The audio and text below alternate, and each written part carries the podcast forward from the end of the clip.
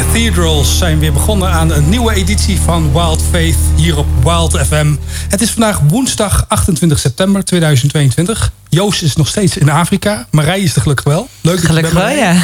Hoe gaat ie? Gaat hartstikke Heb je, goed. heb je er zin in? Ja, absoluut. Waar gaan we het over hebben vanavond? Ja, we gaan eh, vanavond hebben we Marco de Keizer in de studio. En die houdt van praatjes over koetjes en kalfjes. Dus ik denk dat het zomaar heel gezellig gaat worden vanavond. Het is ontzettend leuk om over koetjes en kalfjes te praten. Ja, We hebben net ook een beetje een voorgesprek gehad. En je hebt ook een enorme passie voor muziek. Ja, ik hou van muziek. Ja, hè? Ik hou heel veel van muziek, omdat muziek verbindt. Dan zit je hier op de goede plek. Ja, hè? Ja. Wild, we gaan, eh, tot tien uur zijn we hier. Heel veel mooie muziek. Gezellig. Maar ook eh mooi gesprek, hopelijk. Marije, ik ben wel benieuwd, wat is jouw geluksmomentje voor deze week? ja oh man. Ik vind het altijd zo'n mooi moment eh, op deze avond. Om deze avond af te trappen met iets waarvan je zegt... ja, daar was ik vandaag of gisteren of deze week echt heel erg blij mee. Nou, toen ik hier naartoe reed vanmiddag... eh, toen was ik wat minder blij. Want het hagelde echt gigantisch gewoon. Echt, er lag echt overal hagel op de weg. Ik heb dus echt helemaal niks, geen, geen, geen hagelkorreltje gezien, hè? Ja, dus kun je nagaan. Dus misschien, zeg maar, daarom denk ik, een geluksmomentje. Ik zag wat mensen fietsen. En als je nu luistert vanavond en je dacht echt, ja, ik was zo iemand. Ik was helemaal niet gelukkig vandaag, want ik kreeg dus echt een bizarre hagelbui over mijn hoofd heen. Dan wil ik even zeggen dat ik je gedachten vanmiddag, toen ik heerlijk in de auto eh, hier naar de studio reed. Maar mijn geluksmomentje, ja, volgende week donderdagavond heb ik een eh, evenement. Hormoon geluk event. Dus we zijn dan de hele avond bezig over hormonen, geluk en eh, voor vrouwen. En dat is echt super tof om daarmee bezig te zijn. Dus ja, mijn geluksmomentje hangt daar wel een beetje mee samen. Met het verdiepen in vrouwelijke hormonen. En ik zit hier met alleen maar mannen in de studio. Maar het is echt fantastisch om daarmee bezig te zijn. En wanneer is dat? Volgende week donderdag? Ja, volgende week donderdagavond. Dan zit je met een eh, zaal vol hormoonbommen eh, bij elkaar. Ja, zeker. Ja, er is ook een mannelijke spreker, Ben Verboom, die kan spreken. Die, Die is is. eh, bevoorrecht, zegt die spreker. Ja, dat is echt fantastisch. Met live muziek en van alles. Dus dat is echt, ja, echt heel erg tof om mee bezig te zijn. Ik zal het mijn bedrijfsnaam niet noemen, want dan is het een beetje verkapte reclame. Maar het is wel echt heel tof om, eh, om hier mee bezig te zijn. En eh, Marco, als het voor jou gaat over... Jij houdt je ook veel bezig met vrouwen, maar dan meer met ja, koeien. Oei, ja. Is dat ook hetgene waar je vandaag mee bezig bent geweest? ben ik vandaag ook mee bezig geweest. Maar ja, mijn geluksmomentje zat niet zozeer in de koeien vandaag. Mijn geluksmomentje zat in het feit waar jij van zegt... daar ging het eigenlijk niet zo goed mee.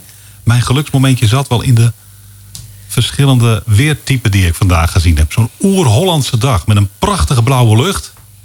die het echt wilde winnen van alle donkere luchten van de afgelopen dagen... en dan opeens zo'n zwarte wolk ervoor waar een plens regen en hagel uitkomt. Dus ik vond het eigenlijk wel fascinerend vandaag. Ik heb zelfs buiten geluncht vandaag in het zonnetje. Ja, kun je nagaan. Dus het was echt wel een dag van uiterste. Ik kan me voorstellen dat je dat zo zegt, ja. En eh Rien, Mijn geluksmomentje. Ja. Nou, we leven natuurlijk in een ontzettend onrustige tijd. Met eh, oorlogen hier en daar. Oekraïne onder andere. En, Nou ja, wat ik dan mooi vind is dat er dan toch in Rusland ook mensen opstaan die gaan protesteren. Hè? Ondanks dat het waarschijnlijk veel, eh, veel consequenties kan hebben. En daarbij zag ik eh, vanochtend ook in de kranten een stukje over het Iraanse nationale voetbalelftal. Die uit protest hoe ze met, in Iran met vrouwen omgaan. Dus allemaal tijdens het zingen van een volkslied, tijdens, tijdens het begin van de wedstrijd, allemaal met zwarte jassen aanstonden als protest. En waarschijnlijk gaat dat best wel wat consequenties voor die spelers hebben als ze straks weer terug zijn in Iran. Maar toch doen ze het. En dat vind ik mooi. Dat ze, dat ze opstaan tegen onrecht wat dat betreft. Getuigt van moed. Ja, Echte moed. ja. Daar, daar heb je echt moed voor nodig. Ja, Zeker. Ja. ja. Dus dat is mijn geluksmomentje voor, eh, voor deze week. mocht je nu zelf je geluksmomentje willen delen... dan kan het natuurlijk altijd via onze app 06 3939 2050. Dus 06 3939 2050. Vertel ons jouw geluksmomentje... of misschien wel jouw niet-geluksmomentje van vandaag. Of eh, post een foto van hoe dat je wellicht door, door de regen hebt gefietst vandaag... en dacht ik was echt helemaal doorweekt. Wat je wil delen, je bent welkom. Mooi. En dan gaan wij weer verder met muziek. Switchfoot. Ja, een lekkere plaat van Switchfoot. Interwang, als ik het goed uitspreek. Moeilijke titel, maar eh, een lekkere plaat in ieder geval. Zeg je nu van ja, deze muziek is echt fantastisch. Ik wil meer van dit soort gospel eh, horen. Dan kun je via Spotify onze playlist vinden. Wild Fate, de playlist. Eh, je kunt ook de podcast vinden waarin we alle, alle interviews posten. Maar ja, dus zo kan je heerlijk gewoon verbonden blijven. Ook al zijn we niet live op de radio. Marco, van harte welkom. Dankjewel. Wat tof dat je hier in de radiostudio aanwezig wil zijn. Leuk om hier te zijn. Ja, dit is je debuut, hoorde ik al even. Ja, dat is mijn debuut, ja. Op de radio. Ja, Je hebt wel een goede radiostem. is dat zo? Zeker. Dankjewel. Ja, nou ja, dat is wel echt fantastisch. Want wij kennen elkaar al langer dan vandaag. En we gaan de het luisteraar vanavond een beetje meenemen in jouw levensverhaal, in je wijsheid. In hetgene wat je allemaal meegemaakt hebt, maar daarin ook wat je allemaal geleerd hebt. En dat is echt gewoon rijk. Dank je. En nou ja, net zei Rino even, ja, je hebt, ehm, je hebt daarin eh, passie voor muziek. Kun je iets delen over jouw passie voor muziek? Hoe, hoe jong was je toen je voor het eerst begon met muziek maken?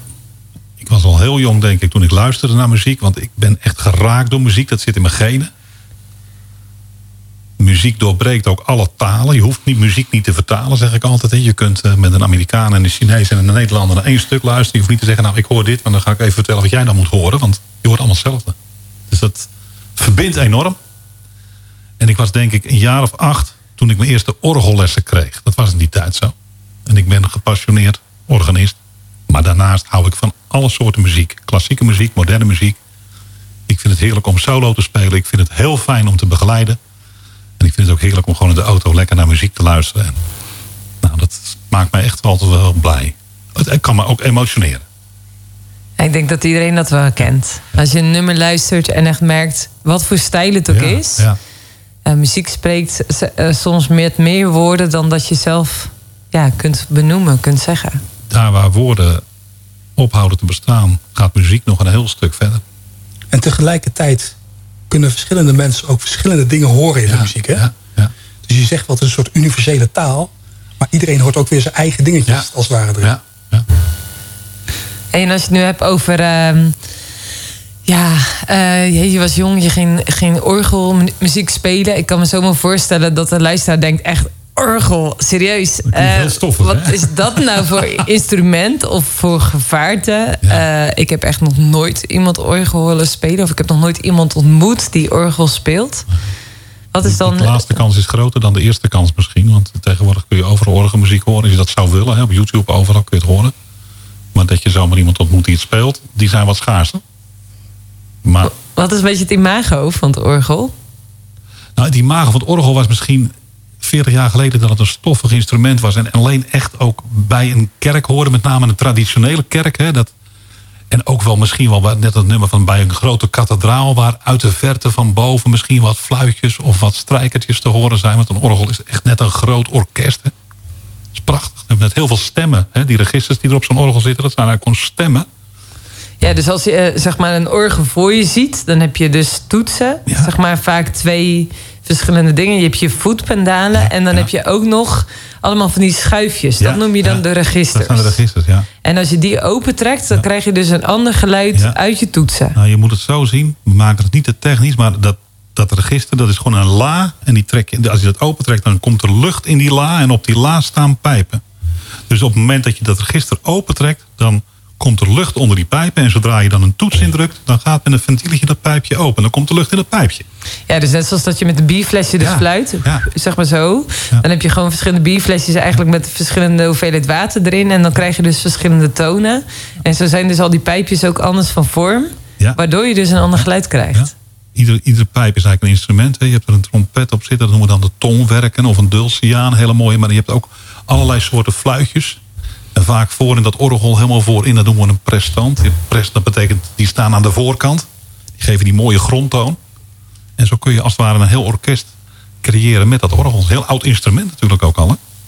En is het imago vandaag de dag wat minder stoffig? Je zei ja, of veertig geleden was het best wel stoffig. Nou, ik denk met name de laatste jaren dat het, dat het minder stoffig is. Omdat, omdat een aantal... ehm, nou, als je in het concertgebouw komt, er staat bijvoorbeeld ook een orgel. Dus dat, daar wordt het ook voor gebruikt. Maar ga maar eens op vakantie. En dan zijn mensen, of dat je nou wel of niet gewend bent om naar een kerk te gaan. Die lopen eens even een kerk in en die horen opeens orgel spelen. Dat vinden ze mooi. Die hebben daar dan wat mee. Die kijken daar dan anders naar dan dat je misschien... En ik vind het zelf prachtig hoor, alleen maar psalmgezang zou horen. Hè? Want dat is toch meer voor een, in een traditionele kerk heel herkenbaar. Maar voor een buitenstaander is het niet alledaags. Ik weet nog in de tijd van, eh, van corona. Daar hoorde ik een radio-interview. En dat ging over iemand die was dan ehm, architectuurpsycholoog of zo. En die zei: In een kerk vinden mensen heel vaak een soort van veiligheid, een soort van vrede, een soort van rust. Die dus in tijden van corona, ja, omdat alle kerken dus ook dicht waren, niemand kon een kerk in om zeg maar ook een stuk bezinning of rust te vinden. Dat dat ook heel vaak in een bepaald gebouw kan hangen, zeg maar. Dat je, als je merkt, hé, ik ben heel druk of uh, mijn hoofd uh, het loopt over of ik, uh, nou ja, ik zit even niet zo lekker in mijn vel. Dat een kerk dan ook letterlijk een plek kan zijn waar je jezelf heel erg veilig kunt voelen. Een kerk moet een plek zijn waar je je veilig voelt. En helaas zijn heel veel kerken alleen op zondag open. Als de meeste winkels dicht zijn, maar dat geldt tegenwoordig ook niet meer.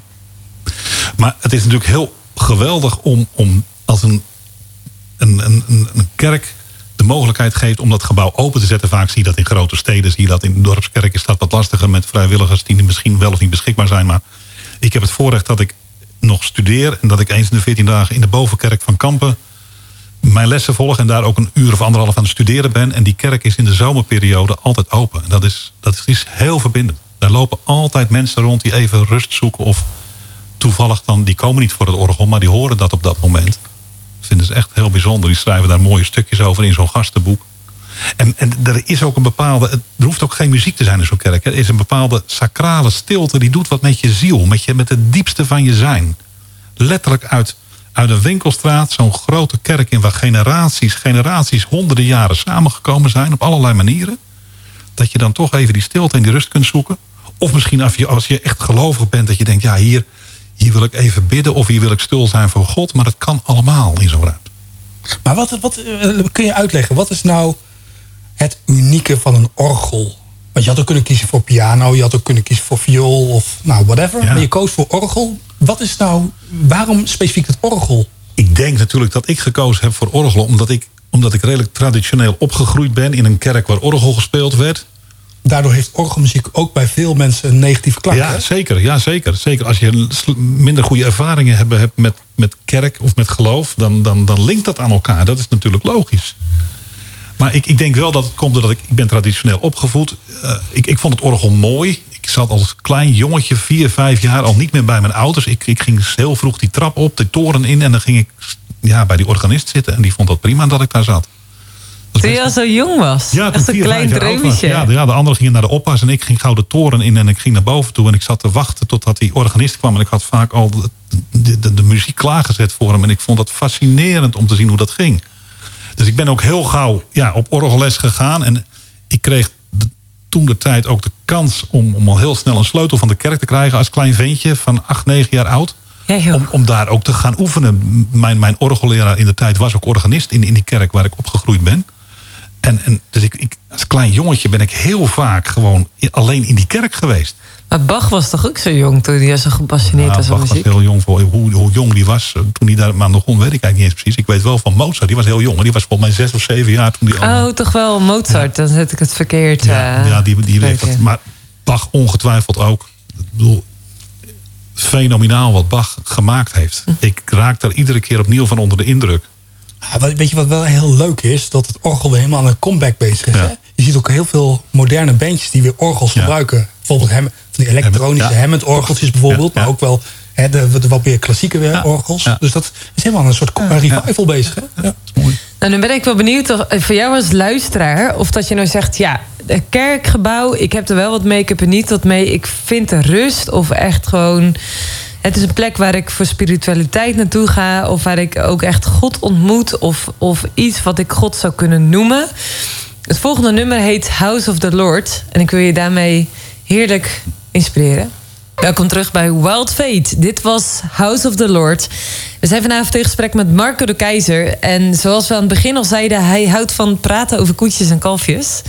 En als je net al aanhaakte, dan weet je dat hij echt een verhalenverteller is. Als Marco vertelt, nou, dan hang je aan zijn lippen en dan heeft hij een hele fijne stem om naar te luisteren. Maar uh, Marco, wat is dat nou met die koetjes en die kalfjes? Ja, dat is geen grapje, dat is echt zo. Het is ontzettend leuk om heel de dag over koetjes en kalfjes te praten. ja, iedereen denkt nu gewoon, je, houdt gewoon van praten over het weer. Trouwens, ja, dat was ook je dankpunt uh, vandaag. Maar dat is niet zo. Ik, dit is echt mijn werk. Ik doe al meer dan 40 jaar praat ik over koetjes en kalfjes, omdat dat mijn werk is. Ik handel. We hebben een veehandelsbedrijf, een familiebedrijf, waar ik ooit mee gestart ben en ondertussen al van een groot gedeelte overgedaan heb aan mijn zoon. Daarom praten wij heel de dag over koetjes en kalfjes. Want wij, wij handelen in koetjes en kalfjes. En is dat, was dat al een familiebedrijf? Nee, ik ben ermee begonnen. En wat maakte dat je daar ooit mee begonnen bent? Dezelfde passie als voor muziek. Ik had twee passies. Dat was aan de ene kant was dat muziek, waar ik het net over had. En nog. En daarnaast was het gewoon alles wat bloeit en leeft. En een boerderij vond ik helemaal geweldig. Ik wilde vroeger boer worden. Dat, dat zat helemaal in mijn systeem, maar dat, dat ging niet. Ik hield enorm van melken. Ik ben naar de landbouwschool geweest. Lagere landbouwschool, middelbare landbouwschool. Ik wilde boer worden. En uiteindelijk ben ik de veehandel ingegaan. En dat betekent simpelweg Dat, koeien dat je, kopen dat je, dat en koeien koeien koopt en koeien verkoopt. Vroeger was er natuurlijk nog een veemarkt. Nou, die zijn er bijna niet meer. Er is nog één of twee veemarkten in Nederland. Maar Nederland stond echt wel bekend om dat er iedere werkdag een veemarkt was. Nou, dat heb ik ook nog meegemaakt. Dat ik vanaf mijn achttiende ja, tot 2001, eigenlijk totdat de mond- en klauwzeercrisis kwam, ging ik ook iedere dag naar een veemarkt. En, en wat voor mensen willen nou koeien kopen? Mensen die koeien nodig hebben. En die, die, is dat binnen Nederland? Is daar veel vraag kijk, naar? Of? Als je even terugkijkt welke mensen willen koeien kopen. Kijk, we hebben in Nederland gelukkig, we hebben eh, nog een Nederland is best nog een heel agrarisch land. Dat is natuurlijk een, eh, best een, eh, een, teer onderwerp wat ik nu aan ga. Want heel veel mensen vinden dat er minder koeien in Nederland moeten komen. Sowieso minder vee. En we kennen nog heel veel bedrijven die, eh, waar koeien gemolken worden. En eh, dat zijn eh, vaak familiebedrijven die met heel veel passie al heel veel generaties lang hun werk doen. En daar heb ik enorm veel waardering door, voor. Want dat zijn topsporters die 24-7, zeven dagen in de week klaarstaan om vee te houden. Niet voor geldelijk gewin alleen, maar omdat het gewoon ook hun levenswijze is. Het is niet alleen een vak, het is een levenswijze. En, en, gek gezegd, ja, een Nederlandse boer heeft 100, 110 koeien en daar worden kalfjes geboren en daar een gedeelte van de vrouwelijke kalfjes wordt aangehouden en de stiertjes worden verkocht. Dus dat doen wij ook. Wij, halen die kalver op iedere week bij veehouders in het westen van het land. En dan gaan koeien weg die aan eh, ja, die hun leven op die boerderij gehad hebben en die, eh, of die niet meer drachtig willen worden of, of uiteindelijk gewoon een leeftijd hebben bereikt dat het klaar is en dat een volgende generatie er weer aankomt. Dus die, die halen wij ook op en die verkopen wij ook aan slachterijen. Daar ben ik heel open over. Maar daarnaast doen wij ook import van vee en export van vee, met name binnen Europa. Dat het allemaal gebonden is aan rij- en reistijden. Vinden we ook prima, maar we zijn eigenlijk een, een Nederlands bedrijf dat binnen Europa opereert. Ook in het verleden was wat er met Ethiopië en Kuwait en Rusland gedaan. Nou, dat is allemaal wat meer op afstand gekomen. Dat is wat Lijkt me wel doen. een hele innoverende markt. Het is een hele innoverende markt. Het was een nog meer innoverende markt... omdat er fysiek let, letterlijk iedere week een veemarkt was... waarvan je niet wist hoeveel dieren staan er nou. Wie zijn Nee. nou de kopers? Dus dat was echt een... Ja, daar zag je de prijs echt soms echt omhoog gaan. Je had wel een idee van... morgen zijn de koeien duurder... maar je wist niet hoe duur. En je had ook het idee van... ze, moeten, ze hebben wat minder nodig... en er is wat meer vee. En hoeveel zakken ze dan in prijs? Dat weet je niet. Dat gebeurt op dat moment. Dat is een prachtig spel. En dan stond jij ook om vrijdagochtend om vier uur stond je het handje Ik, stond, ik, ja, ik ging vijf dagen naar de markt. Ik ging maandags naar Leiden, dinsdags naar Purmerend, woensdags naar Den Bosch, donderdags naar Utrecht en En vrijdags naar je echt Leeuwarden. met een Handjeklap, echt handjeklap. Waar de markt bijna kocht je een paar honderd koeien. Dat was prachtig. Het is echt wel eh, bijzonder, zeg maar. Iedereen die nu zeg maar, denkt van ja, ik zit in aandelen of ik zit in bitcoins of wat dan ook. Dan is dat online. En dan voel je dat, die spanning ook gewoon. Zeg maar, van eh, wat gaat de koers doen en wat doet het dan? Zeg maar. maar daar was het dus echt fysiek, fysiek. daar voel je het gewoon, daar zie je het. Je ziet iemand gaan in een witte of een bruine jas vind je dat je, waarvan je weet, die heeft vandaag gewoon zoveel koeien nodig. Oh, ja. Wat kost een koe ongeveer gemiddeld? Dat kost de koe ongeveer, nou, dat is wel heel grappig om dat te vertellen. De afgelopen, de afgelopen jaren, de afgelopen 20 jaar, tot aan corona, kostte een melkkoe zeg maar tussen de, de 900 en de 1300 euro. En als ik, als ik nou een koe zou willen hebben, zou dat kunnen of niet? In mijn achtertuintje? ja, dat mag. Mag dat? Dat Ik heb vrienden die hebben laatst een paar koeien gekocht Ja, om zelf te goed, gaan dan moet, je melken. dan, dan moet je dan weer een, een, een, registratienummer voor aanvragen. En dat, volgens mij mag je één of twee koeien mag je dan wel vrij houden. Betekent Ja. dat heb je allerlei rechten nodig om koeien te kunnen houden. Ehm, maar, maar op zo'n veemarkt, dus, dus jij vraagt wat, wat kost een koe? 20 jaar lang tussen de 900 en de 1300 euro. En een, een, een koe die geslacht werd, die, die, die kostte tussen de 500 en de 1100 euro. Dat was redelijk stabiel. En toen brak corona uit en toen zakte die prijs enorm. En al heel snel herstelde die markt zich en alles werd duurder. Grondstoffen werden duurder. Koeien zijn ook enorm gestegen in prijs de afgelopen twee jaar. En wat betaal je nu? We- Nu hebben we, we verkopen koeien voor 2, 2300 euro Zo. op dit moment dat gebeurt. Dus die zijn bijna verdubbeld in prijs na corona. Ja. Maar het is wel gek, hè? Dat zeg maar bijna alles wordt duurder. En dat zo die koeprijs voor corona dus allemaal zo constant was. Ja, ik weet nog wel, 30 jaar geleden, in het guldenstijdperk, heb ik meegemaakt dat koeien per kilo geslacht 9 gulden per kilo opbrachten. Terwijl de afgelopen 20 jaar bewoog zich dat tussen de 2,50 en de 3 euro. Zo, Dan moet je kijken wat een afwaardering. En handel je dan alleen in koeien of ook in varkens? En... Nee, alleen rundvee. Alleen rundvee. Koeien en kalfjes. Ik praat, alleen over, ik praat niet over varkens, ik praat over koetjes en kalfjes. En vanavond gaan we het ook even over het lammen hebben, hè Marije? Met een hoofdletter. Ja, dus dat is altijd nog een spannend thema. nog een spannende thema. Maar eh, laten we eerst maar eens naar Delise luisteren om je heen. En, want dan ben ik ook benieuwd, zeg maar, naar... Ja, jij bent niet een oer-Hollander die wel een oer-Hollands vak heeft. Maar ik ben heel erg benieuwd naar jouw verhaal. Achter. oer-Hollands voelt, hè? Ja, prachtig. om je heen, dat was Delise. Nou, echt prachtig om eh, te horen hoe zij zo al swingend eigenlijk een thema te woorden brengt. Wat, eh, wat eigenlijk gaat over iets heel dieps. Namelijk je niet alleen voelen in de allerdiepste momenten, wellicht ook in je leven. En net voordat we de muziek ingingen, had ik eh, met Marco heel even een 1-2'tje over. Ja, je bent iemand die zich oer-Hollands voelt met een oer-Hollands vak. Maar je bent niet ehm, eh, geboren in Nederland. Nee, Je hebt geen Nederlandse biologische ouders. nee. Kun je ons een beetje meenemen in. Ik ben geboren in Griekenland. Op de Peloponnesus. En, Waar eh, is dat ergens in Grie- Het Griekenland? zuiden van Griekenland. Die, die punt die daar aan Griekenland vastzit, zeg maar, onder het schiereiland. Dat is de Peloponnesus. En, eh, daar ben ik geboren. In een heel klein dorpje. Bij Amaliada. Een grotere stad. En ehm, ja, ik ben na tien dagen ben ik afgestaan. Dus ik ben eh, naar een kinderthuis gegaan in Athene. En daar uiteindelijk na een half jaar door Nederlandse adoptieouders geadopteerd. En zodoende ben ik hier opgegroeid. Ik heb eh, er nog eens over na zitten denken.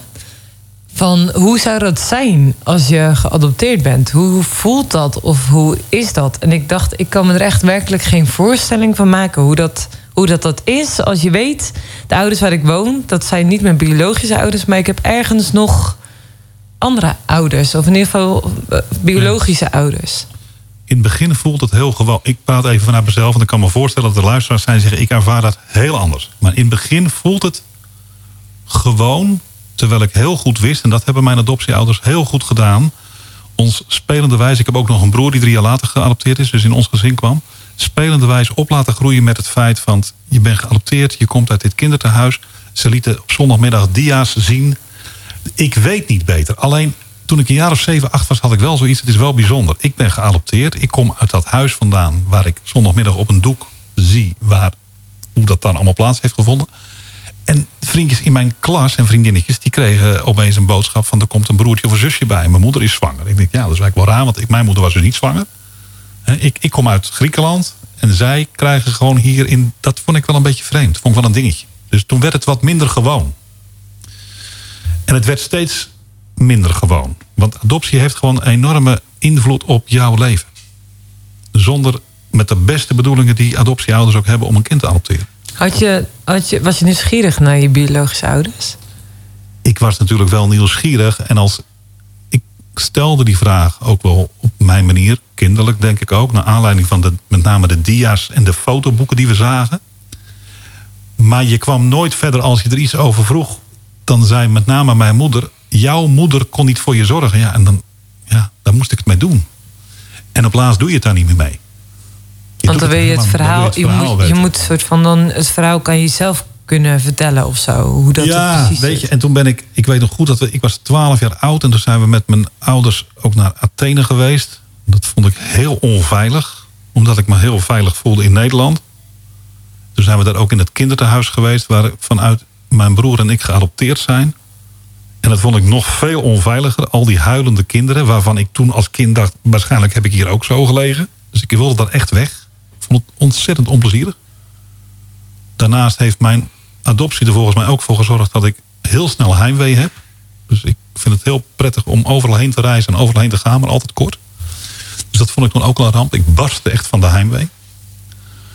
En ik kon het gewoon niet aan. De kloof was voor mij te groot om dat te overbruggen. Daar waar mijn adoptieouders de passie hadden om juist ons te laten zien en te delen van hier kom je vandaan, dit is je plek en dat hebben we voor jou gedaan, wilde ik die kloof absoluut niet overbruggen. Dus ik ben daarna ook nooit meer met hun mee op vakantie geweest. Zo Oh. Ik maar ben- je was twaalf toen. ik was 12, dus ik ging ook. Zij, zij hielden van vakantie gaan, zij hielden van Griekenland. Ieder jaar, ik ben nooit meer mee geweest. Het, Oh. apart- het aparte is wel, je hoort heel veel van adoptiekind of kinderen als ze volwassen zijn bijvoorbeeld. Als ze dan teruggaan naar het land waar ze geboren zijn. Dat ze zich eigenlijk meteen hè, een soort van thuis voelen. En dat heb jij dus niet. Jij voelde je een, soort van... eh, toen niet. Toen was ik kind. En ik, was net, ik, begon, ik begon puber te worden. Ik, ik vond het heel lastig sowieso om over mijn gevoelens te delen met mijn ouders. Ten meer omdat de vragen die ik stelde werden vaak afgedaan als je moeder kon niet voor je zorgen. En dat was het dan. En opeens krijg je heel groots. Zie je een kinderthuis waarvan ik moet zeggen dat ik enorm de kleuren herkende in dat kinderthuis. Het Griekse blauw, eh, rood, maar met name het blauw wat enorm mijn, op mijn netvlies gegrift staat als ik ook dia's keek. Dus dat kwam heel natuurlijk over. Dat wat ik thuis gezien heb, dat zie ik nu live. Dat klopt. Lijkt wel alsof je dat als babytje gewoon haast meegenomen hebt. Die kleuren vond ik het enige veilige wat er was. Voor de rest niet. En veel later, ja, veel later ben ik uiteindelijk op zoek gegaan. Het aparte is, het is natuurlijk radio, dus mensen kunnen jou niet zien. Maar als mensen jou kunnen zien, tenminste, ik vond het ook bizar om te horen dat jij een, eigenlijk een Griek bent van oorsprong. Want je, gewoon, je ziet eruit als een oer-Hollandse man Ja, met blauwe ogen. Dat heb ik je al verteld. Kijk, als je heel veel met bepaalde dingen omgaat, dan ga je er ook op lijken. dus mensen die in koeien handelen, die gaan op koeien lijken. Nou, je lijkt niet op Nee, maar dankjewel. Kijk, weet je, ik, ik, ik ben geboren op Peloponnesus. Dat, en dat is wel grappig. Maar daar had je mensen... Ik heb groene ogen, groen-blauwe ogen. Terwijl je heel veel Grieken ziet met zwart haar, zwarte ogen. Precies. Kort, klein, gedrongen. En op de Peloponnesus ja, kwamen meer mensen voor met die groene oogopslag van mij. En ik ben vrij lang. Ik ben 1,90 meter. Ja, en ik ben er eigenlijk wel blij mee. Want weet je, aan mijn broertje stelden ze natuurlijk altijd de vragen. Die kwam uit Athene. Die zag er heel Grieks uit. Dus het was gelijk al heel duidelijk als mijn ouders met z'n vieren ergens naartoe gingen of op vakantie waren of staan te eten.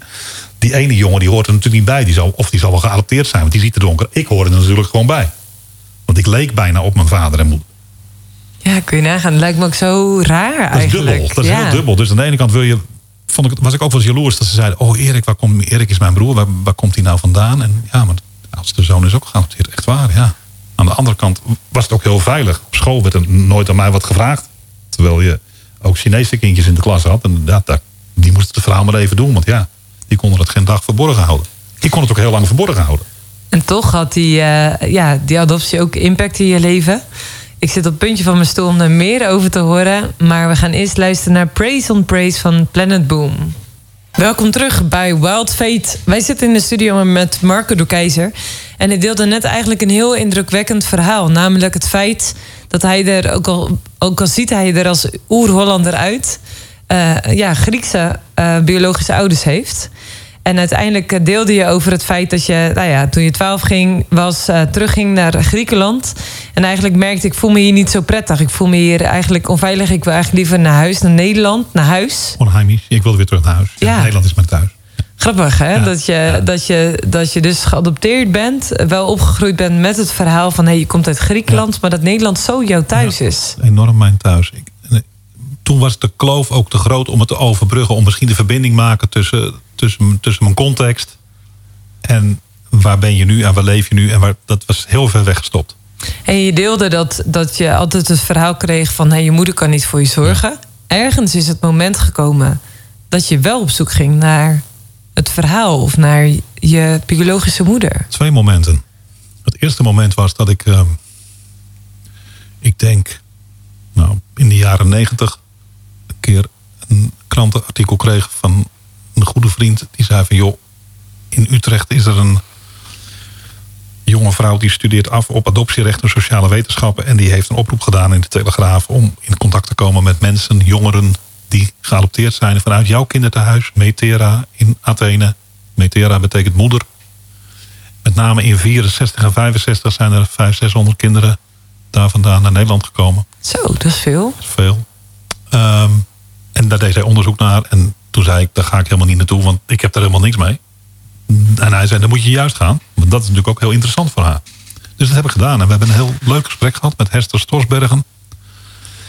Prima gesprek. En ze was ook wel verwonderd over het feit dat ik me zo oer-Hollands voelde. En dat wilde ik ook stevig neerzetten in dat gesprek. Want ik hoorde alleen maar verhalen van, van, van Grieks geadopteerden... die het geweldig vonden om, juist over die context te praten. En zich aansloten bij adoptieverenigingen. En weet ik wat er allemaal niet was. Prima. Ik maar hou mij daar verder van. Want ik, ik heb er niks mee. Ik ben er een keer geweest als kind. Ik, ik ben daarna niet eens meer met mijn ouders op vakantie geweest. Ik ga niet meer terug. En zij zei, er komt een moment in je leven... dat je wel teruggaat. En dan ben je van harte welkom bij mij. Want dat is een heftig proces. Ik heb haar dat plechtig beloofd dat ik terug zou komen. En ik denk, ja, dat gaat nooit gebeuren. Want ik wil niet terug. En het moment kwam er wel. 22 jaar geleden, toen, toen we met onze kinderen naar de film Kruimeltje gingen.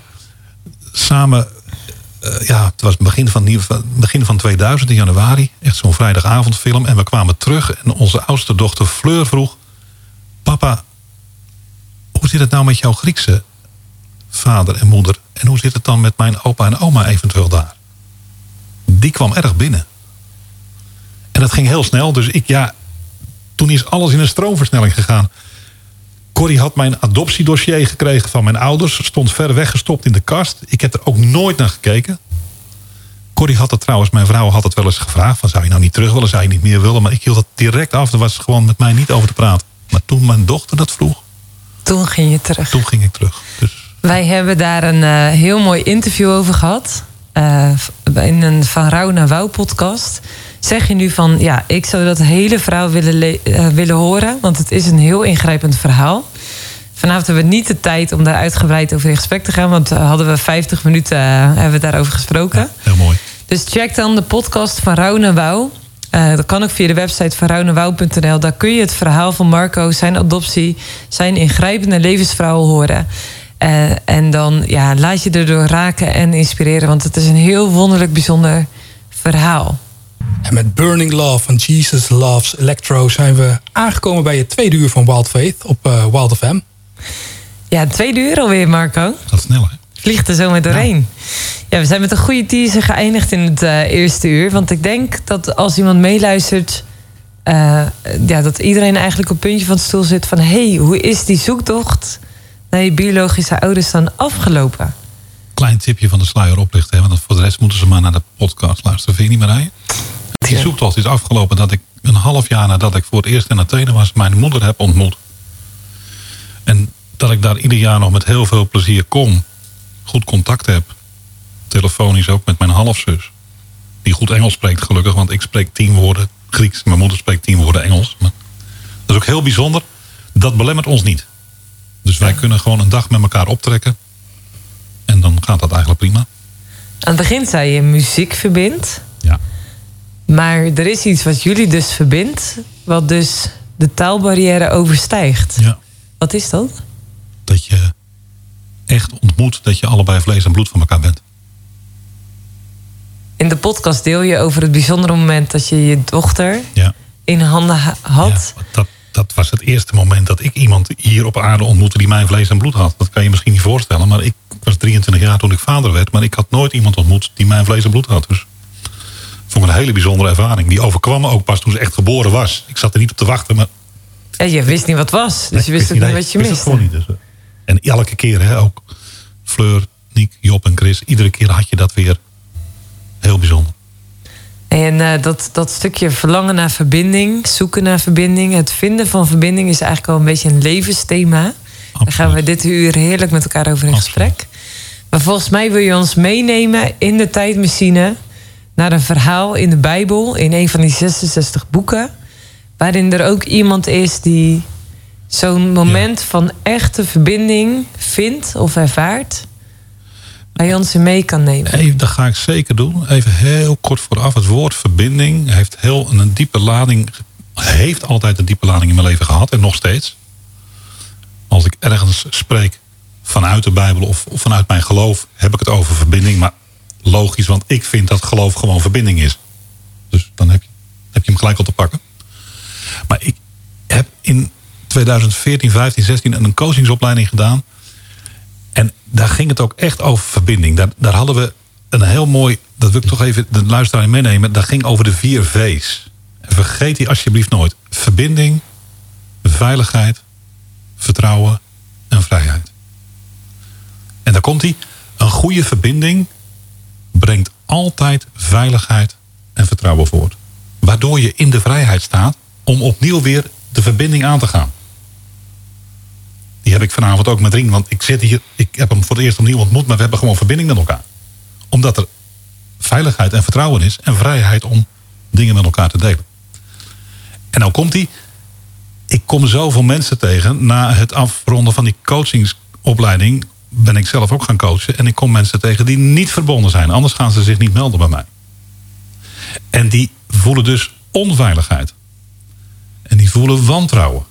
En die leven in onvrijheid. Nou, dat is precies het thema waar we het vanavond over gaan hebben. En, en de Bijbel is er klip en klaar over. Staat vol met verhalen waar het iedere keer gaat over verbinding. En Jirien, volgens mij moeten we maar de tijdmachine in gaan stappen dan. Daar staat die Marco in de hoek. Maar eh, als we daarheen lopen, hè, nog één korte vraag Marco. Ehm, dat is natuurlijk jouw oer-Hollandse naam, Marco. Heb jij ook een Griekse naam? Nee, want in Griekenland is het zo dat je geboren wordt als baby in de tijd. En dan noemden ze jou ook baby. Mijn moeders familie heette Lazari, dat is ook al wat. Als we over Lazarus denken in de Bijbel. Ik was baby Lazari en ik had geen naam. Je werd pas gedoopt. En dan kreeg je een naam. Oh, je was, Was dat op de achtste dag? Nee, veel later soms. Oh, maar ik, ik ben in Griekenland wel gedoopt. Want dat kerk en staat was niet gescheiden. Dus ik ben in een, in een Duitse evangelische kerk... Die, die redelijk linkt aan de protestantse kerk die wij in Nederland kennen... ben ik gewoon in, in Athene door een Duitse dominee... in een zwarte toga hè, ben ik gedoopt. Ik foto's ben ook in het kerkje geweest. En, eh, want je moest gedoopt zijn. En hoe reageerde jouw biologische moeder? Want je hebt haar ontmoet, dat heb je net verteld. Hoe reageerde die op de naam Marco? Zij hebben mij... Oh, op mijn- oh, mijn bio- mijn biologische moeder. Ja, je biologische moeder. Die, die, ik weet niet hoe oud ze was toen jij haar ontmoette, maar die kwam Nou, dus ik- dat haar mijn, moeder was, mijn moeder was 18 toen ik geboren werd. En in 2000 heb ik haar ontmoet. Dus toen was eh, ze is nu 75. Dus het was 53. En ik was 35. Marco, ja. Vond ze het een naam die bij je paste? Ja, volgens mij wel. Ja? Ja? ze spreekt hem ook heel mooi uit. Die kan, het niet na, die kan het niet naspreken. Maar ze spreekt hem heel warm uit. Mooi. mooi. Ja. Nou, laten we ondertussen naar de tijdmachine lopen. Daar staat hij. Ik zou zeggen, doe jij de deur open, Marco? Ik doe de deur open.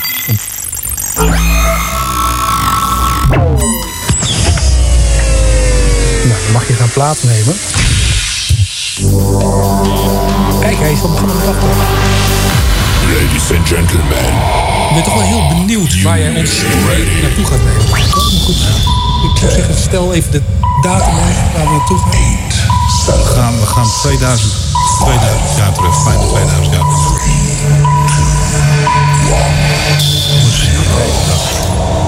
Snik heeft En sneak dat kunnen we wel gebruiken op zich, hè? Ja, nou, nou ja, is de meeste mensen nog wel het geheugen. Als we afgelopen zomer kijken, dan eh, kun je je wel een beetje verplaatsen in het verhaal waarin ik je mee ga nemen.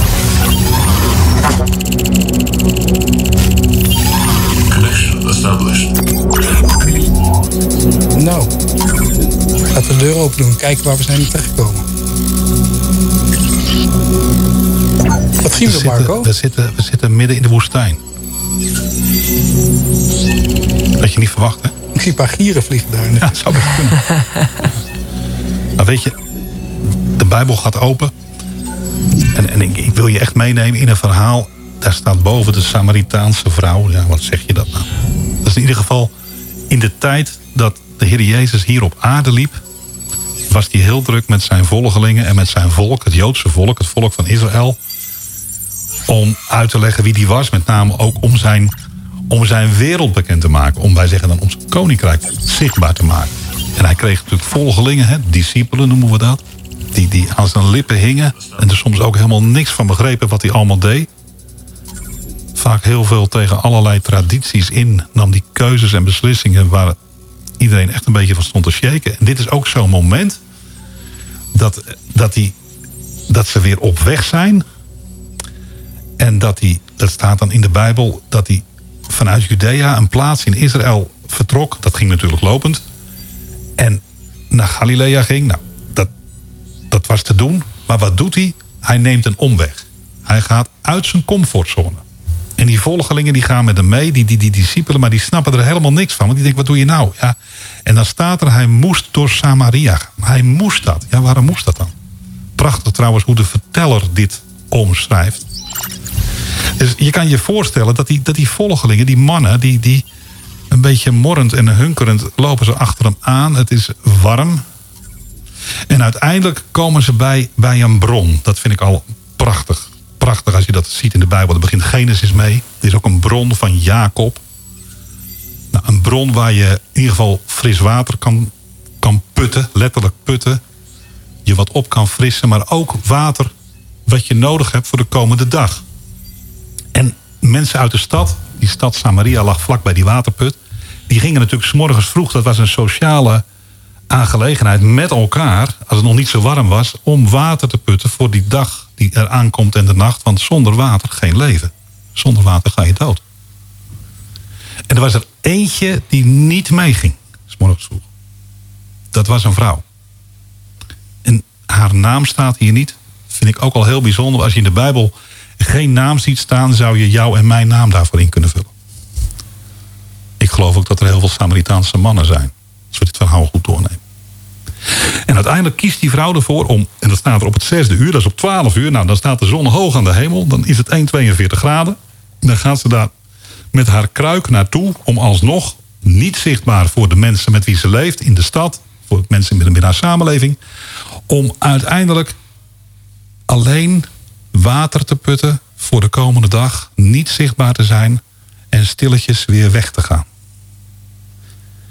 En het is veilig voor haar. Ze loopt dat stukje buiten, buiten de stad, dat stukje woestijn in naar die bron.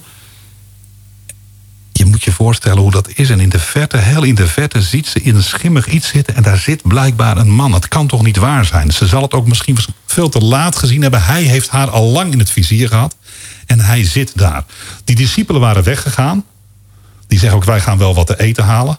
Ik zeg wel eens voor de gein een Samaritaanse pizza misschien. Want wat moet je hier ook in die wildernis doen? Haal je in je hoofd, Heer Jezus, om hierheen te gaan. En Jezus zit daar te rusten bij die put. Degene die het opgeschreven heeft, Johannes, zit waarschijnlijk op een afstandje dat een beetje aan te kijken hoe dat gaat. En dan in die zinderende hitte, je ziet het wel eens in van die films, zie je die vrouw opduiken en die, die is waarschijnlijk wat gesluierd en die kijkt opeens en die ziet, daar, die ziet daar een man zitten. Nou, in die tijd was het al zo. Zij ziet ook dat het een Joodse man is. Nou, Samaritanen hadden helemaal geen omgang met Joden. Dus ze wil daar eigenlijk verre van blijven. Ze wil onzichtbaar blijven. En dan stelt Jezus haar een hele eenvoudige vraag. Een vraag die jij en ik gewoon elkaar ook zouden kunnen stellen als we uit zijn. Heb je wat te drinken voor me? Dat is haast een datingsvraag. Een vraag die je gewoon kan stellen van wil jij wat drinken van? En die vrouw die wordt helemaal flabbergasted. Hoe kan een Joodse man, die ik totaal hier helemaal niet verwacht had... sowieso tegen mij als Samaritaanse vrouw al gaan vragen... of dat ik wat te drinken voor haar. Hoe, komt hij erop? En dat schrijft dat Bijbelverhaal ook. Want die vrouw is eigenlijk haast een beetje verontwaardigd. En ik, ik, ik, je ziet ze die sluier wegdoen en met die donkere dat donkere gelaat en die sprekende ogen van haar hem aankijken. En ze vraagt, hoe vraagt u die een Jood bent van mij iets te drinken? Ik ben een Samaritaanse vrouw. Joden hebben geen omgang met Samaritanen. Jezus antwoordt en zegt dan tegen haar... Ah, als je wist wie ik was, er ontstaat een heel mooi gesprek. Hè? Het is echt een gesprek van ontmoeting en verbinding. En dan te weten, dat zegt dat verhaal ook dat die vrouw in eerste instantie helemaal niet zo'n probleem had om contact te leggen met anderen. Het verhaal zegt dat ze vijf mannen heeft gehad. Dat ze nu samenleeft met een zesde man die haar man niet is. Dat is nogal wat, beetje onorthodox zou haar zeggen. En het mooie van dat verhaal is, er komt totaal geen oordeel over. Hij gaat diep in gesprek met haar. Zij houdt het verhaal eerst even een beetje technisch van ja, uh, Jezus vraagt om te drinken. En hij zegt, ja, als je het aan mij gevraagd had... dan zou ik je water geven waar je echt van gaat leven. Zeg ik het een beetje in mijn eigen woorden. Dan zegt ze, wat doet u eigenlijk hier, meneer? De put is diep, u heeft geen emmer. En waar haalt u dan zogenaamd dat levende water vandaan... waar u over spreekt? En dat is wel grappig, want dan zegt ze... bent u meer dan onze vader Jacob? Je moet weten dat die, die Samaritanen... Die, die hebben nog een beetje de religie... van, van de eerste vijf boeken uit uit de Bijbel. Van Abraham, Isaac en Jacob. En daarna, daarna gaat het een beetje zijn eigen weg. Zijn ze niet meer verbonden met het Jodendom. En het is ook mooi dat die, dat die put, Jacob, hè, kennen we de verhalen ook van, dat die, dat die dochters naar een put gingen. Dat is, dat, dat is altijd de plek waar ontmoeting plaatsvindt. Dat is ook de plek waar je letterlijk gelaafd wordt. Waar je even je opfrist wat je, wat je ook mee kan nemen naar huis. Altijd je kruik meenemen om hem weer te vullen. Dat is ook heel mooi. Er zegt het verhaal zo ook iets heel moois over. En dat gesprek wat plaatsvindt, dat krijgt steeds een diepere laag. Jezus zegt tegen haar, nou ja, weet je wat het is joh? Als je van het water drinkt, wat jij iedere dag hier komt putten... Hij zegt niets over de tijd en dat ze het alleen doet, want dat, laat hij helemaal aan haar. Dan krijg je iedere dag weer opnieuw dorst. Dat betekent voor jou dat je je leven lang iedere dag hier weer opnieuw naartoe moet. En jij kiest er blijkbaar voor om dat op dit tijdstip te doen. Maar als je gaat drinken van het water, en dat is een hele mooie metafoor wat ik je geef. Dat zal in hem of haar een bron worden van water wat opwelt tot het eeuwige leven. Nou, dat zijn hele grote woorden. En dan zie je er iets omgaan bij die vrouw. Waar ze het eerst heel technisch en wat afstandelijk houdt over een put die diep is. En heb je wel een emmer bij je. En oh ja, we hebben ook wel een beetje dezelfde religie. Opeens gaat letterlijk haar hele bestaan, haar hart, haar ziel gaat open en zegt ze... Mijn Heer, Heer, geef mij van dat water, opdat ik nooit meer dorst zal hebben en hier niet hoef te komen putten. Nou, dit is toch een uitspraak die ik ook mezelf heb horen roepen in situaties dat ik dacht van... Wat is het lijden groot? Of wat is de wereld even donker? Of wat is het afgescheurd zijn van een adoptie eenzaam? Ik wil dit niet meer. Ik wil niet iedere keer met diezelfde pruik, pruik weer naar die plek. En zij vraagt het hem zelf. Zodat ik hier niet meer hoef te komen om te putten. En dan zegt Jezus iets heel moois. Die zegt, joh, weet je wat je doet? Ga even je man halen, joh. En dan die vrouw antwoordt heel open en heel eerlijk. Dat vind ik ook bijzonder, want je moet je daarin verplaatsen. Er is een enorme schaamte voor haar eigen volk, haar eigen mensen uit haar eigen stad. Om het feit dat ze waarschijnlijk een aantal mannen heeft gehad. En we weten helemaal niet of dat die mannen gestorven zijn of dat ze gescheiden is. Dat zegt het verhaal niets over. Hè? Maar in ieder geval, het zegt voldoende dat ze niet meer zichtbaar wilde zijn. En dan zegt ze, ik heb geen man. Nee, zegt Jezus. Want je hebt er vijf gehad en degene waar je nu mee leeft is je man niet. Dat heb je echt eerlijk geantwoord. Ik kan me zomaar voorstellen dat er een hele diepe stilte viel. En dan zegt die vrouw opnieuw tegen hem... Ik zie dat u een profeet bent. Dat past ook een beetje bij haar geloof. Hè? Onze vaderen, de generaties voor ons... hebben op deze berg waar we nu vlakbij zijn... gebeden. En bij u, bij de Joden, zegt men dat men in Jeruzalem moet zijn. Dat dat de plaats is waar je moet bidden. Jezus gaat weer niet over goed of fout en zegt... joh, lieve vrouw, geloof mij, de tijd komt... dat je niet op deze berg en ook niet in Jeruzalem hoeft te doen... want u aanbidt wat u niet weet. Dat is iets wat overgedragen is. Je hebt geen levende relatie met die God waar je naar bidt. De tijd komt dat de ware aanbidders, degene die echt God zoeken... hem zullen aanbidden in geest en waarheid. En even een, een zijstapje. Ik kom heel veel mensen tegen die wel en niet geloven. Maar iedereen gelooft natuurlijk wel iets. En dan hoor ik mensen roepen zeggen... ja, maar ik geloof in het universum. Dan zeg ik geweldig. Ik hoorde pas iemand die zei tegen mij... ik schreeuw het uit naar het universum.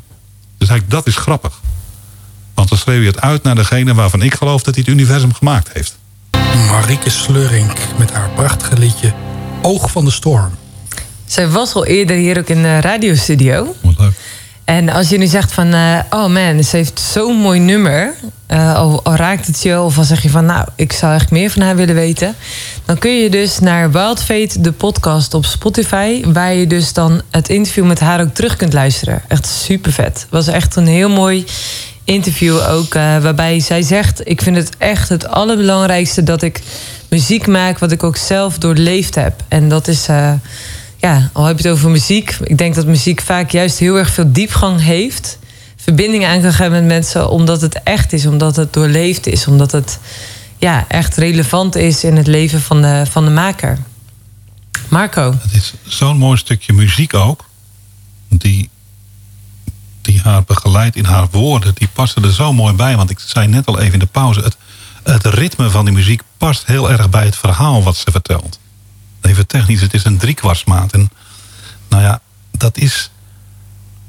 Je zou kunnen zeggen, dan gaat het over God en over Jezus Christus en over de Heilige Geest. Dus dat is heel mooi dat dat, dat, dat bij elkaar past. Dat ze dat ritme ook gevonden heeft. Even terzijde. En naar dat verhaal, we zitten midden in die ontmoeting. Dan zegt Jezus in dat stukje tegen haar over waar moet je nou aanbidden? Hoe moet je nou leven, zouden we vandaag zetten. Hoe doen die volgelingen van Christus dat? Nog even sterker, hoe doen die kerkgangers dat nou? Gaat dat alleen op zondag zo? En hoe doen ze, hoe, hoe doen ze dat dan op maandag? En, en Jezus geeft een prachtig antwoord. En zegt, God is geest. En wie hem aanbidden, moeten hem gewoon aanbidden in geest en waarheid. Jij en ik moeten het niet alleen met de buitenkant doen. We moeten het met onze ziel doen, met ons hart doen. En soms kan je vanuit je hart schreeuwen naar de... De een zegt het universum. En ik zeg, ga naar de maker van het universum, want dan kom je thuis. Doe het in geest en waarheid. En wat is dat, geest en waarheid? Dat is dat gedeelte in jezelf aanspreken. Misschien je ziel, zeg ik. Maar ook je geweten, denk ik, ten diepste. Openleggen voor die hogere macht. Als je nog niet weet wie Jezus is. Maar die er absoluut is, ook hier vanavond bij ons. En zeggen, ik ben Marco en ik, ik, ik wil dit aan u kwijt. En u kent mij, ik hoef er niet eens woorden aan te geven... want u, u, u weet ten diepste wat er in mij, in mij leeft. Wat mij geestelijk bezighoudt. Wat mij op zielsniveau bezighoudt. Dit is ook een ontmoeting echt op zielsniveau. Hij kwam heel fysiek. Met een sluier die weggaat van wie zit daar nou op mij te wachten... en wie begint daar nou met mij het gesprek. Maar je proeft in dat hele stuk dat het gesprek een diepere laag ingaat... en dat hij op zielsniveau gaat. En dit is precies de manier waarop Jezus tegen haar zegt... zo moet je met God, mag je met God, moet je niet, mag je met God spreken. Op jouw manier, als het maar in geest en waarheid is. En dan komen de twee versen die ik echt woordelijk wil lezen... want daar zit de ontmoeting ten diepste in. Dan zegt die vrouw tegen hem, tegen Jezus... na, na iedere keer zo'n zo'n prikje van een laagje dieper gaan...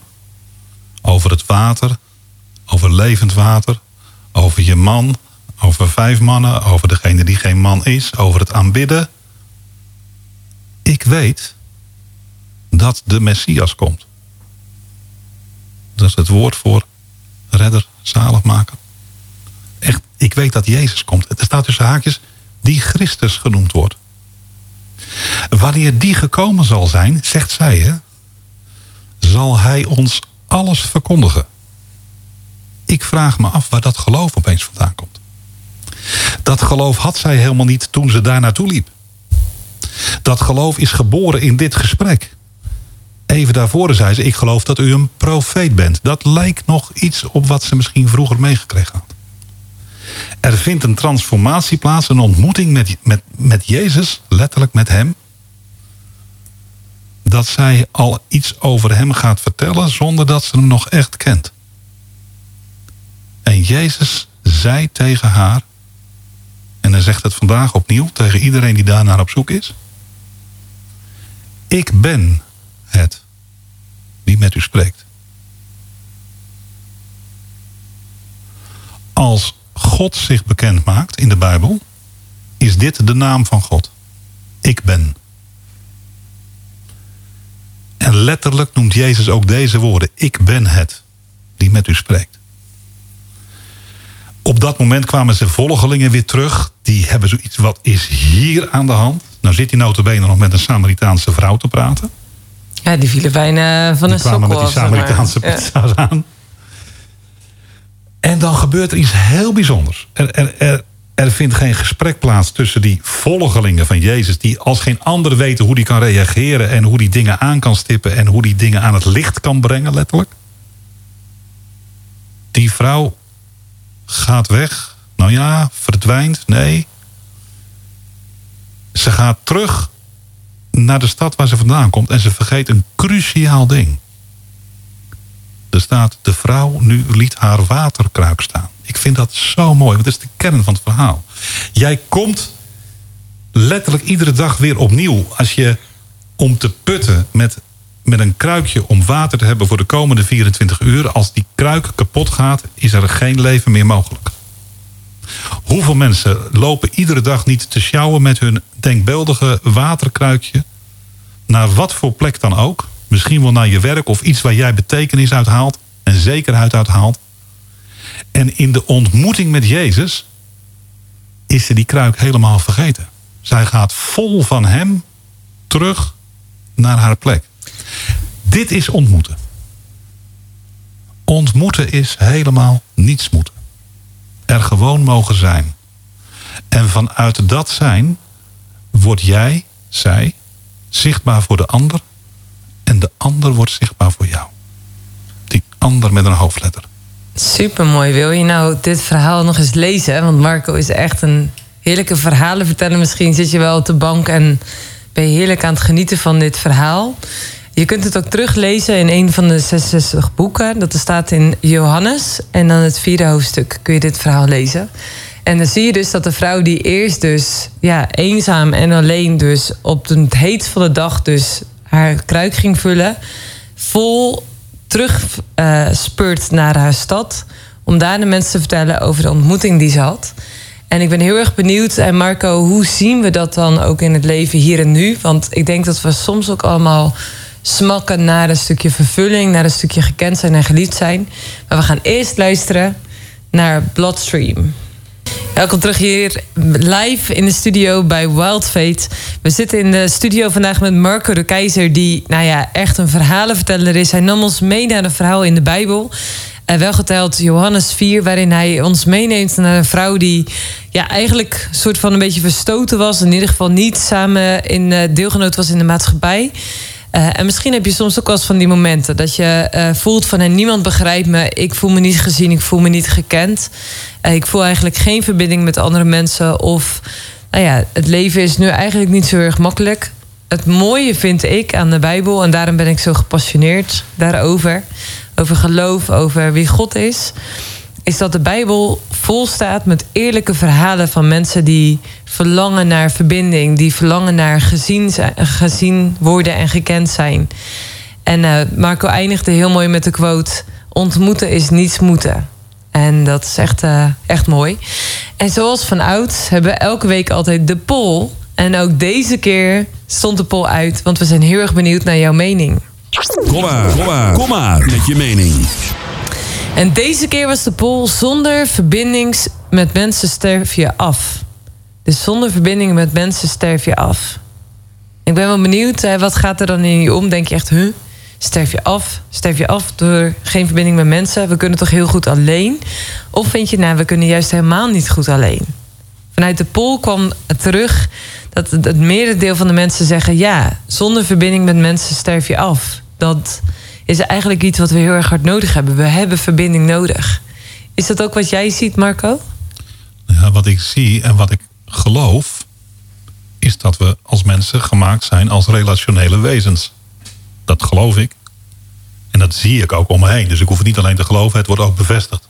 Maar toch heb je veel mensen in de coachpraktijk die zeggen: ik, ik heb wantrouwen, ik heb geen verbinding. Zeker. Geen een veiligheid. Een onveilige, een, een, een, een, een, een slechte verbinding brengt, heb ik gezegd, uh, onveiligheid, wantrouwen en onvrijheid, slavernij voort. Dat kan. De omstandigheden kunnen ervoor zorgen dat jij niet meer in verbinding bent.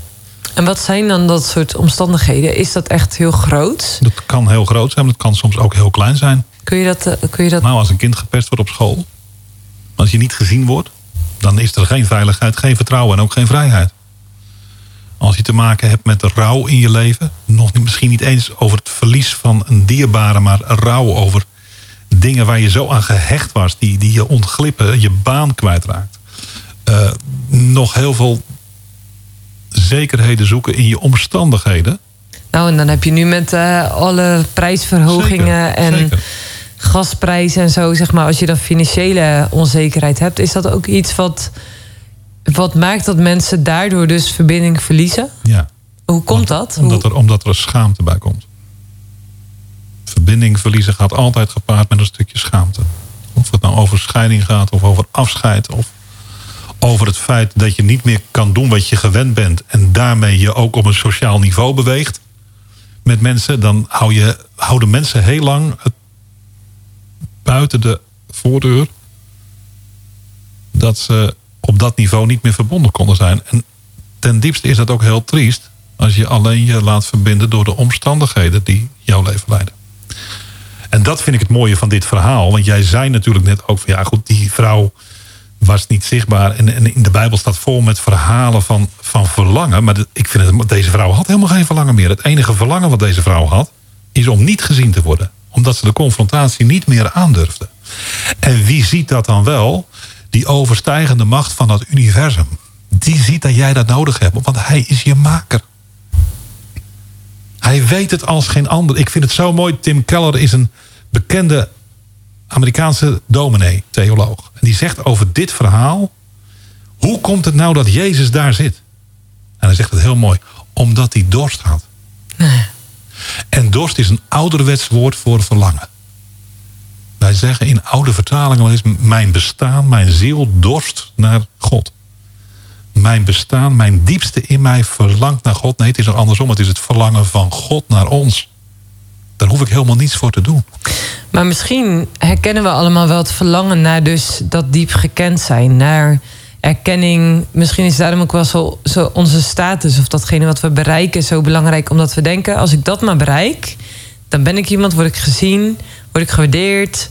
Heb ik, heb ik aanzien eigenlijk. En te- misschien willen we dat niet eens erkennen. Maar is dat wel een soort van drijfveer die we allemaal Ja, hebben? dan haal je het dus uit je omstandigheden. Of de mogelijkheden die je omstandigheden jou bieden. Ja, dus dan moet je dus heel veel. Dan moet je dus heel Dan veel. je. Want je moet die verhogen. Ja. Ik weet dat toen ik ziek was, toen kon ik een hele lange tijd kon ik niet. Nee. En ik heb ooit een blog geschreven wat ik leerde in mijn onsuccesvolle periode. Want ja, onze maatschappij staat bol met hey, je moet maar succesvol zijn. Maar ja, door mijn ziek zijn, ik heb maandenlang alleen maar op bed gelegen. Ik kon elke dag een wandelingetje doen en dat was het. Ehm, eh, was het daarin echt gewoon van wat blijft er dus van je over als je niks meer kunt leveren, als je niet meer kunt presteren, als je geen inspiratie meer kunt delen via social media, whatever, zeg maar, gewoon even niets te geven hebt, ja, dan komt het er echt op aan. Ja. Want wie ben je dan als er, Kun je dan nog ontvangen? ja, dat is uiteindelijk de grootste vraag. Daar gaat het om. Je kunt niet geven als je niet kan ontvangen. Je moet eerst ontvangen om te geven, anders sta je bij jezelf in het rood. En ken jij ook die, die verbindingloosheid? Jazeker wel. Natuurlijk wel. Ik heb me heel vaak heel onverbonden gevoeld. Toen ik begon te beseffen dat ik geen eigen vlees en bloed hier had. Ik ben heel erg benieuwd naar hoe God daarin voor jou een stukje degene was die jou dorst Nou ik, ik, ik, ik, heb daar in mijn podcast ook heel veel over gezegd. En wat, wat ik daarover wil zeggen is dat ik eigenlijk... Kijk, ik ben christelijk opgevoed. Ik ben van kinds af aan in de kerk grootgebracht. Maar dat wil niet zeggen dat je een relatie met God hebt. Of dat je hem ervaart als... Hij zegt, ik ben er voor jou, Marco. Ik dacht dat ik hem dienen moest door, door het feit dat ik maar gewoon op gedragsniveau heel veel dingen moest doen. En mijn moeder zei wel eens, als je dit of dat doet, dan kom je niet in de hemel. Nou, dat is helemaal verschrikkelijk, want dan ga je in de hel te komen. Dus het is, ook wel heel slecht dat je op basis van angst iemand probeert te corrigeren. Dat moet je met liefde doen. Fireflies van Owl City. Ik moet eventjes eh, goed, eh, goed nadenken hoe ik het zeg. Fireflies, Owl City is een oudje. Volgens mij al bijna 20 jaar oud ongeveer.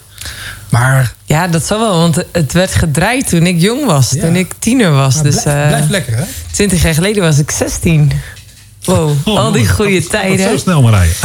Ja, we hadden het net eh, over. ehm, en ik denk dat eh, elke luisteraar daar zich ook wel in, in kan herkennen. Van, hè, dat je momenten kunt hebben dat je jezelf niet verbonden voelt. Dat je jezelf eenzaam voelt.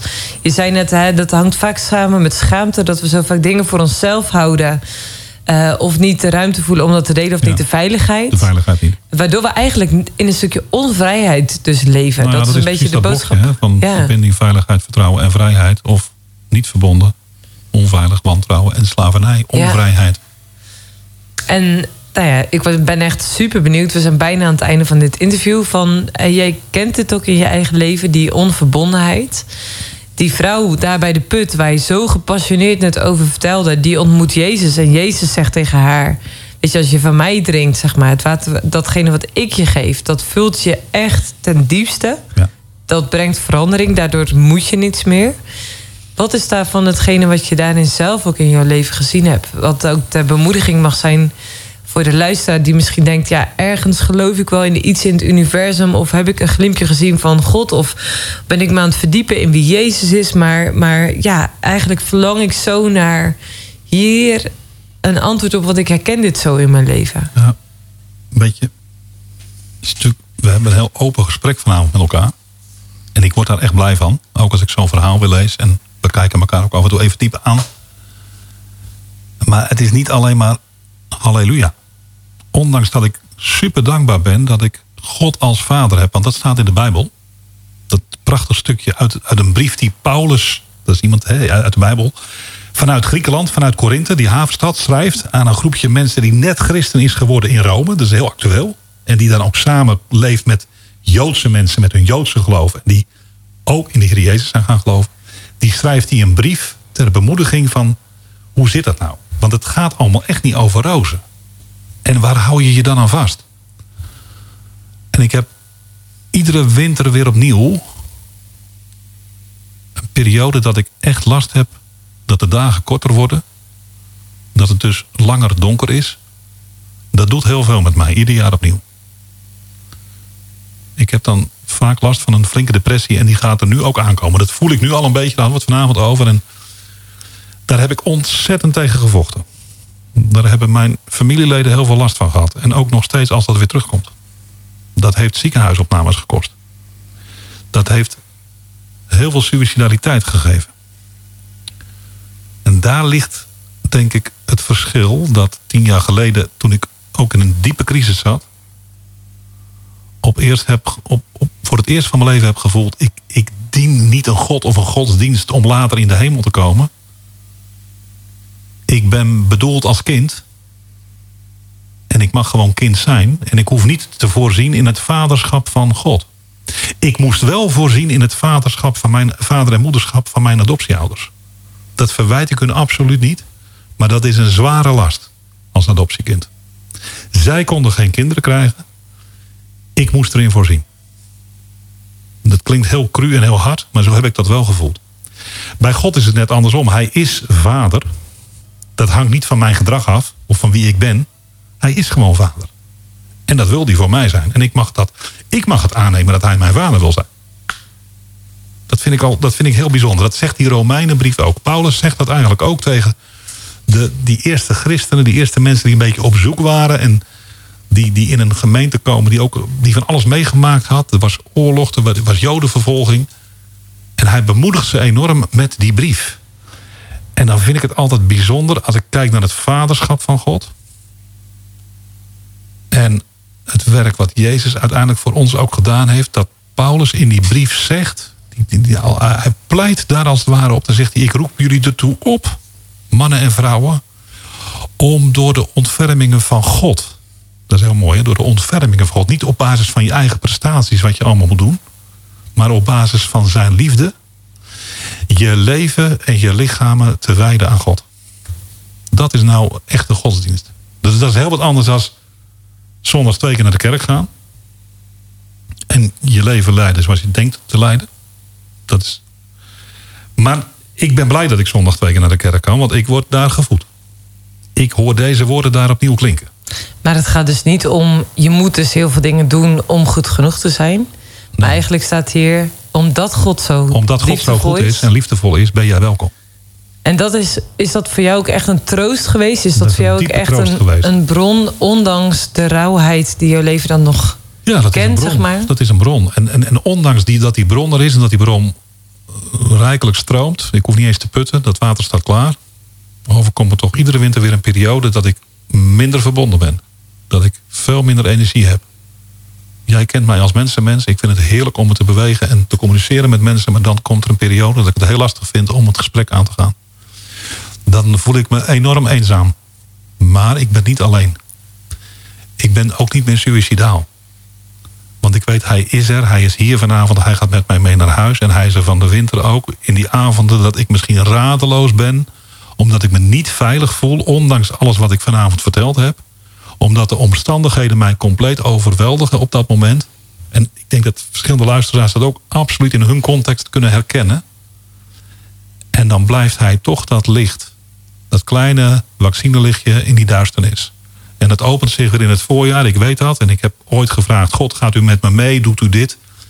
We hadden het in het voorgesprek erover, ik vraag dat niet meer. Ik mag gewoon zijn. Nou, het is een prachtig slotakkoord voor dit interview.